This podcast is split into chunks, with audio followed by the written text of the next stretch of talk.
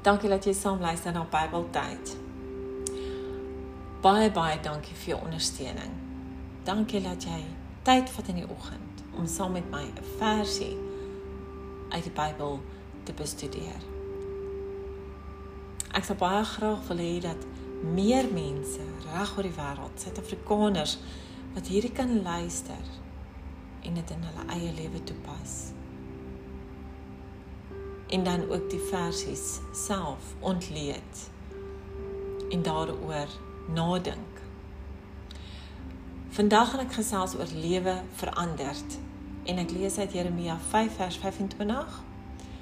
Julle oortredings het dit laat verander. Julle sondes het die voorspoed van julle weerhou. Kolossense 3 vers 8 tot 10 Maar nou moet julle al hierdie dinge laat staan: woede, haat, nait en gevloek. Vuil taal moet daar nie uit julle mond kom nie en moenie vir mekaar lieg nie. Julle het met die ou sondige mens en sy gewoontes gebreek en leef nou die lewe van die nuwe mens wat al hoe meer vernuwe word na die beeld van sy Skepper en tot die volle kennis van God. Hierdie twee versies het vanoggend vir my baie beteken. En ek hoop dit het vir jou ook iets beteken want die Here sal ons help om anders te lewe as ons sy hulp vra. Bid dat hy jou sal vergewe en leiding sal gee en dan kom vir sy seën in jou lewe.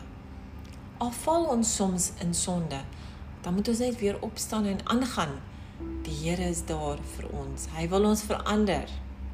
Bid en glo dat God jou sal help. Jou sondes vergewe en jou leiding sal gee vir wat jy moet doen in jou toekoms. Begin vandag om die slegte uit te skakel. Lewe veranderd. Dankie dat jy saam geluister het. Totsiens.